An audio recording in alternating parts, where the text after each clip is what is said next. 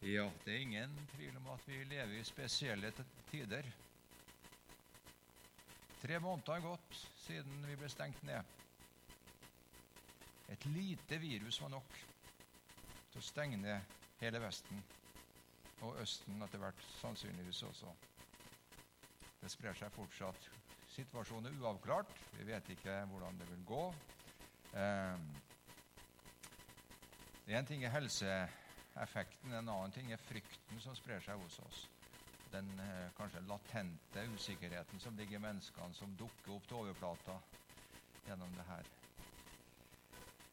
Eh, selv ble jeg også syk den i slutten av mars. Jeg vet ikke om det var korona, men jeg var i hvert fall slått ut temmelig hardt. I, ja, jeg sjøl regna elleve dager med kona mi, men det var en måned. Eh, lungesmerter, pusteproblematikk. Kunne ikke, kunne ikke ligge ned, måtte sitte opp hele natta for å slapp, kunne slappe av, og litt feber. Men da begynner du å tenke. Vi satt isolert, og naboene våre kom med maten på trappa, og, og vi betalte med VIPS. Det er bra vi har teknologien. Men klart, hva foregår under overflata her? Talen i dag heter 'Vær beredt framtiden som kommer'. Det er litt sånn eh, alvorspreken. Det er ikke ment å skremme noen. Det er det ikke. Men det å tale til oss sjøl og være bevisst på den tiden som vi går i møte. Både kirker, restauranter og arbeidsplasser ble stengt. Og begravelser til og med var veldig sparsommelig. Og min egen arbeidsplass på universitetet var som et spøkelsesby. Jeg kom dit. Og det er klart det her har gjort med noe med oss mennesker. Det kom veldig overraskende på oss, syns jeg. Jeg var helt uforberedt. Jeg hadde en følelse av at det kom noe snart nå som vil forandre litt av den verden vi lever i. Men at det skulle være det her, det hadde jeg ingen peiling på. Og det er ingen profeter som har stått fram og profetert om det heller i, i menighetssammenheng. Det, det, her kom, akkurat som Jesu gjenkomst, uventa. Det var ingen som hadde klart å beregne det, forutsi det. Jesu gjenkomst skal også være noe som ingen eh, vet dagen og timen. En stor frykt som er skapt, er jo økonomien og nedsmeltinga der. Det får vi vite etter hvert når årene kommer framover, hvordan vi kan komme oss på beina igjen. Om det blir normalt med store møter, eller om det blir mindre forhold som nå blir gjeldende, det tenker man også en god del på. Hva skal vi minne hverandre om i en tid som dette? Det er litt utfordring nå, da å formidle noe av det. Det har skjedd noe med oss, det er jeg ganske sikker på. De fleste av oss er jo rimelig oppegående, men, eh, men eh, befolkninga er stor. I dag var jeg ute og jogga min eh, vanlige joggetur. Jeg fant noe som jeg aldri har funnet for. Utenfor en av naboene lå det en gutt. En ja, ca. 20 år. Han lå der, på, lå der utafor. Jeg gikk jo selvfølgelig bort og prøvde å vekke han opp. og sånt. Han var kraftig rusa. altså det var han. Så eh, prøvde å, han hadde altså, Etter hvert så hadde han brutt seg inn til en av naboene som var borte, i ensomhet. Et eller annet har skjedd. Så vi måtte til og med få politiet til å komme til henten til slutt. Men altså, det har skjedd noe med oss.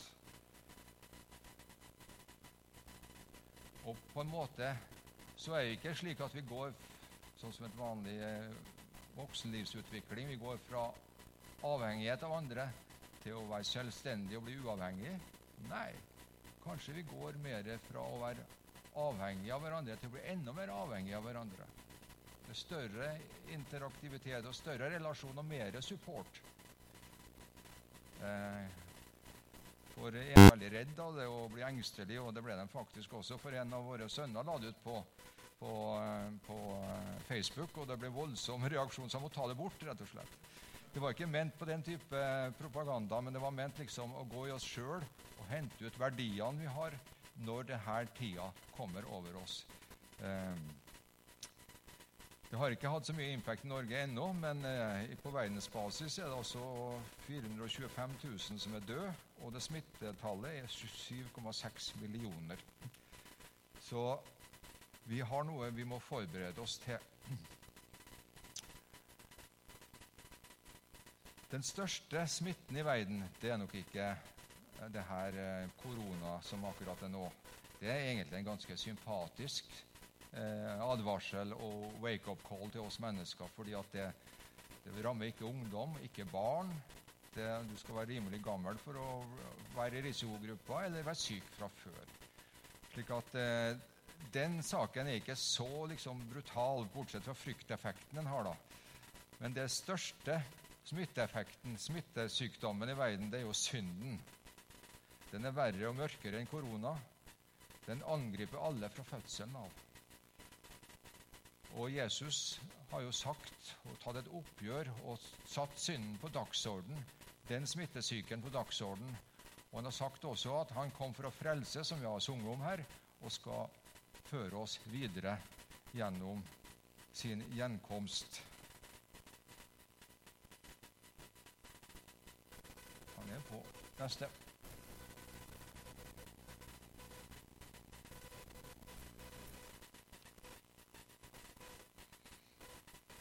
Jesus sa følgende om framtida.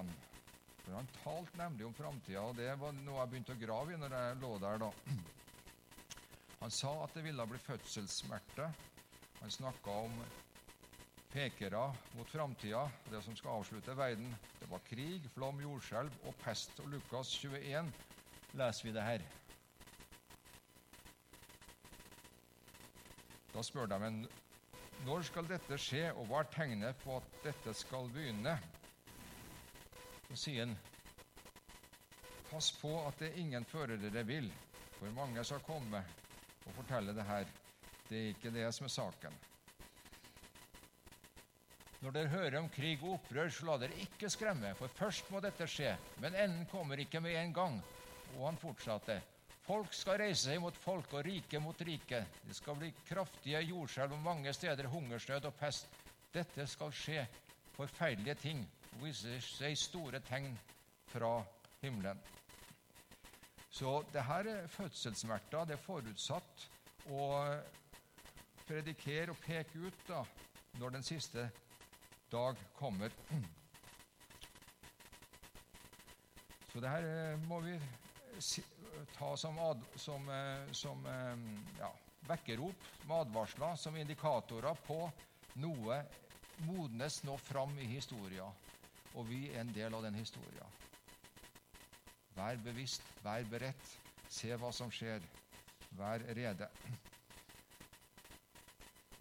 Han vil komme, selv om vi ikke vet timen og dagen. Vi tar neste der òg. Himmel og jord skal få gå, men mine ord skal aldri få gå.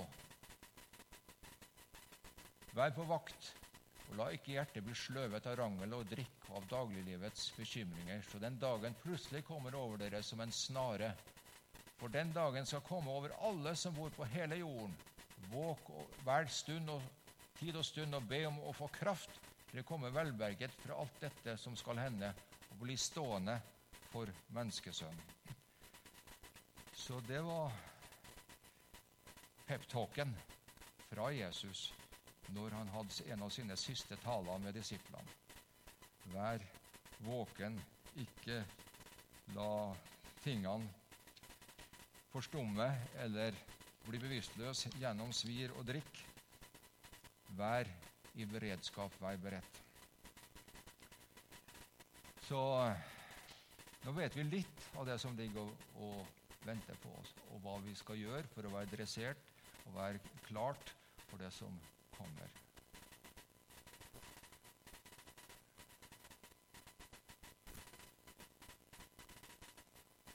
Den Jesus som sa det her, han sa det ikke som en fjern dommer, men han sa det som en som identifiserte seg med oss. Han har inderlig medfølelse om de tider som kommer. Mer enn noensinne, vil jeg tro, har han medfølelse med den verden som stønner litt ekstra i sluttfasen. Jesus har nemlig prøvd i absolutt alt, bortsett fra i å synde. Det er et unntak. Hebreerne 4,15.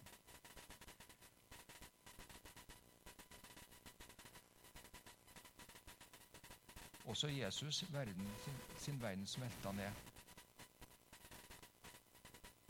Kan du tenke deg Påska har vært igjennom, hva det smelta ned, hva det blir havari, hva det så ut som fornedrelsen. Han har til og med krona der. Og Derfor tok jeg det bildet. Korona betyr krone. Det er avleda av et ord som bruker rundt eh, sola. Altså korona rundt sola. Det er sånne spisser, turbulenser rundt sola, som vi av og til ser i teleskopene. Og Viruset ligner på det, og det er avleda altså av en krone. Tornekrona med de spissene på, det er den ultimate koronaepidemien som hang over Jesus. Og Vanligvis så har vi mennesker vi har korset som liksom symbolet for kristendommen og Jesu verk. Det er korset som står der. Men tornekrona var også der. Det tenkte jeg på når jeg lå der. Det våkna opp for meg. Krona var der. Tornekrona. Den uttrykker noe litt annet enn korset. For nemlig, De satt den der krona tredd over skallen på han for å spotte den og håne den og mobbe den. For der, se, se, her, nå gir vi deg konge, du som har sagt så mye stort om deg sjøl. Nå gir vi deg krone til og med. Og du er fortsatt i din fulle fornedrelse innenfor denne situasjonen. Det er den ultimate eh, spotten og mobbinga. Så uansett hvordan våre tårer og vår sorg blir framover, hans tårer er større enn våre tårer. Han har vært der. Og han har gjort løpet, han har gjort oppdraget. Han har berga verden fra den verste eh, epidemien, nemlig syndeepidemien. Og faktisk gjort noe som har gitt oss immunitet mot synd. Altså ja, Det virker jo mellom oss, men på en måte konsekvensene Vi havner ikke på sykehuset eller i helvete pga. det. Vi er frelst ved å ha fått immunitet fra synd gjennom hans verk på Golgata. Så det er en fantastisk måte å se Jesu verk på som en immunitetsbehandling i forhold til den største sykdommen som har herja sivilisasjonen og menneskeheten gjennom tidene. Intet kan skille oss fra Guds kjærlighet gjennom verket med tornekrona og korset og immunitetskonsekvensene som er gitt til oss. Det er stabile ting. Slik at når Kristian forrige søndag snakka om eh, å bygge huset på fjell, så er det samme som det som står her. Å være i Kristus da, gjennom immuniteten og styrken som holder oss flytende. Så vi havner ikke ut på feil eh, behandling eller på feil eh, side av det hele. Vi er i beskyttelse. Hvis vi ikke har Kristus med oss, så er det som den her, den røde huset. Før eller siden kommer stormen og velter det, og vi havarerer. Men takket være det store som vi tilhører, og vi predikerer i kirkene, så er det altså vi flyter gjennom alt. Ingen kan senke oss. Ingen kan uh, gi oss dødsstøtet eller sykdommen som uh, feller oss. Vi er frelst like inn i himmelens portal. Fantastisk.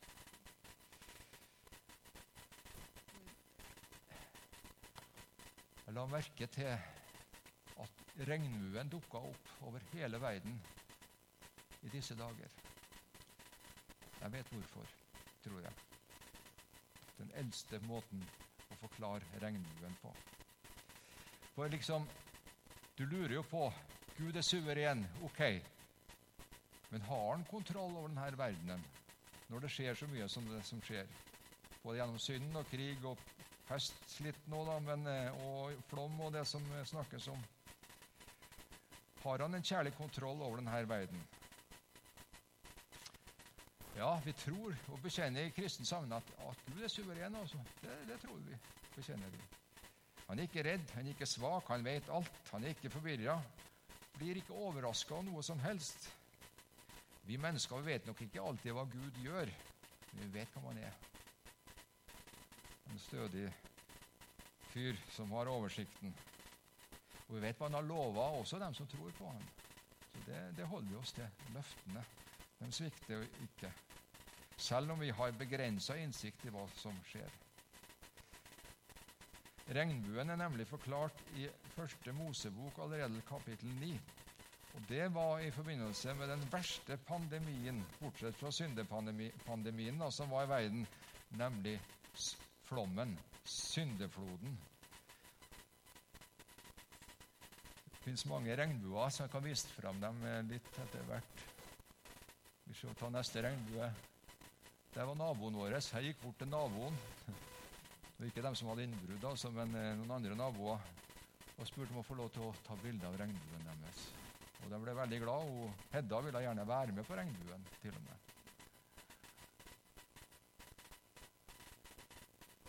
Så neste, ta siste regnbue. Det er den engelske. Storms don't last forever. A rainbow will soon come. Og de har kanskje litt mer innsikt i hvorfor vi bruker regnbuen. Det står i første Mosebok kapittel 9, vers 11. Jeg oppretter min pakt med dere. Aldri mer skal det skje at alt kjøtt og blod blir utryddet av vannet fra storflommen.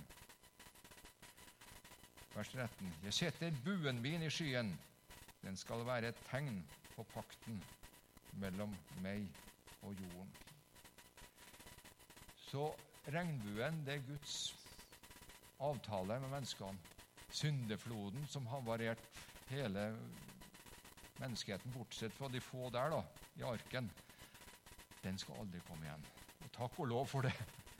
Men det skal være ting, fødselsveier, ting som er pekere mot endetiden. Det skal være der men ikke det ultimate. Så farene vi står overfor, de er reelle. Kroppen er dødelig, men når sjelen er overgitt til Jesus, er vi utenfor rekkevidde egentlig av alle de her farene som verden nå består i, og som begynner å bli litt tydelig for oss. Så den sanne trøst finner vi hos Gud når verdens verden smelter ned, og alle offentlige alarmer er slått på sånn som de er i dag. Riktignok får vi samles 200 fra i morgen av, men når det blir åpning og sånt, det vet vi ikke. Og noen sier til og med at vi blir bærende en litt status av unntakstilstand i resten av ja, lang tid framover. Vi vet ikke. Framtida slik sett er usikker. Og Jeg hørte jo fra en amerikansk menighet der som skulle ha lovsang. De er veldig opptatt av, av munnbind og sånt. da. Noen har veldig tro på det. Lovsang med munnbind. Det var tamme saker. Så det. det blir bare én lovsang. Så de måtte ha det i hjertet da, istedenfor bare i munnen. Det måtte være hjertet som var overgitt til Gud og bygd på grunnfjellet og Kristus alene. Så det er min ønske og min appell her. Vi har trygghet hos Gud. Regnbuen står der. Den er tegna over hele verden nå. Og det er en del av løftet. Det skal Ikke alt går bra. Det er kanskje litt overdrevet, litt naivt, men det vil gå bra. Og alle stormer vil endes av en stillhet og en sabbat og en evighet i Guds rike. Da. Så ha Guds fred. Alt er fullbrakt og innafor trygghet for den som tror. Skal vi be sammen? Far i himmelen, takk for at ditt verk det er ubeskrivelig. Det er ubeskrivelig stort. Selv om vi nå ikke skjønner den tida vi lever i så godt, så vet vi at det er stunder til Jesus. Og for all del gjør oss rede. La oss ha din tanke i hodet. La oss kalibrere vår eh, tjeneste for deg La oss være dedikert som aldri før. La oss bruke de mulighetene vi finner. La oss ta oss av hverandre, slik du tok deg av alle rundt deg, og til og med hadde bønner å gi på korset med både kors og tornekrone på hodet. Du er ubeskrivelig, Jesus. La oss gå litt av din vei sammen med deg og sammen med hverandre.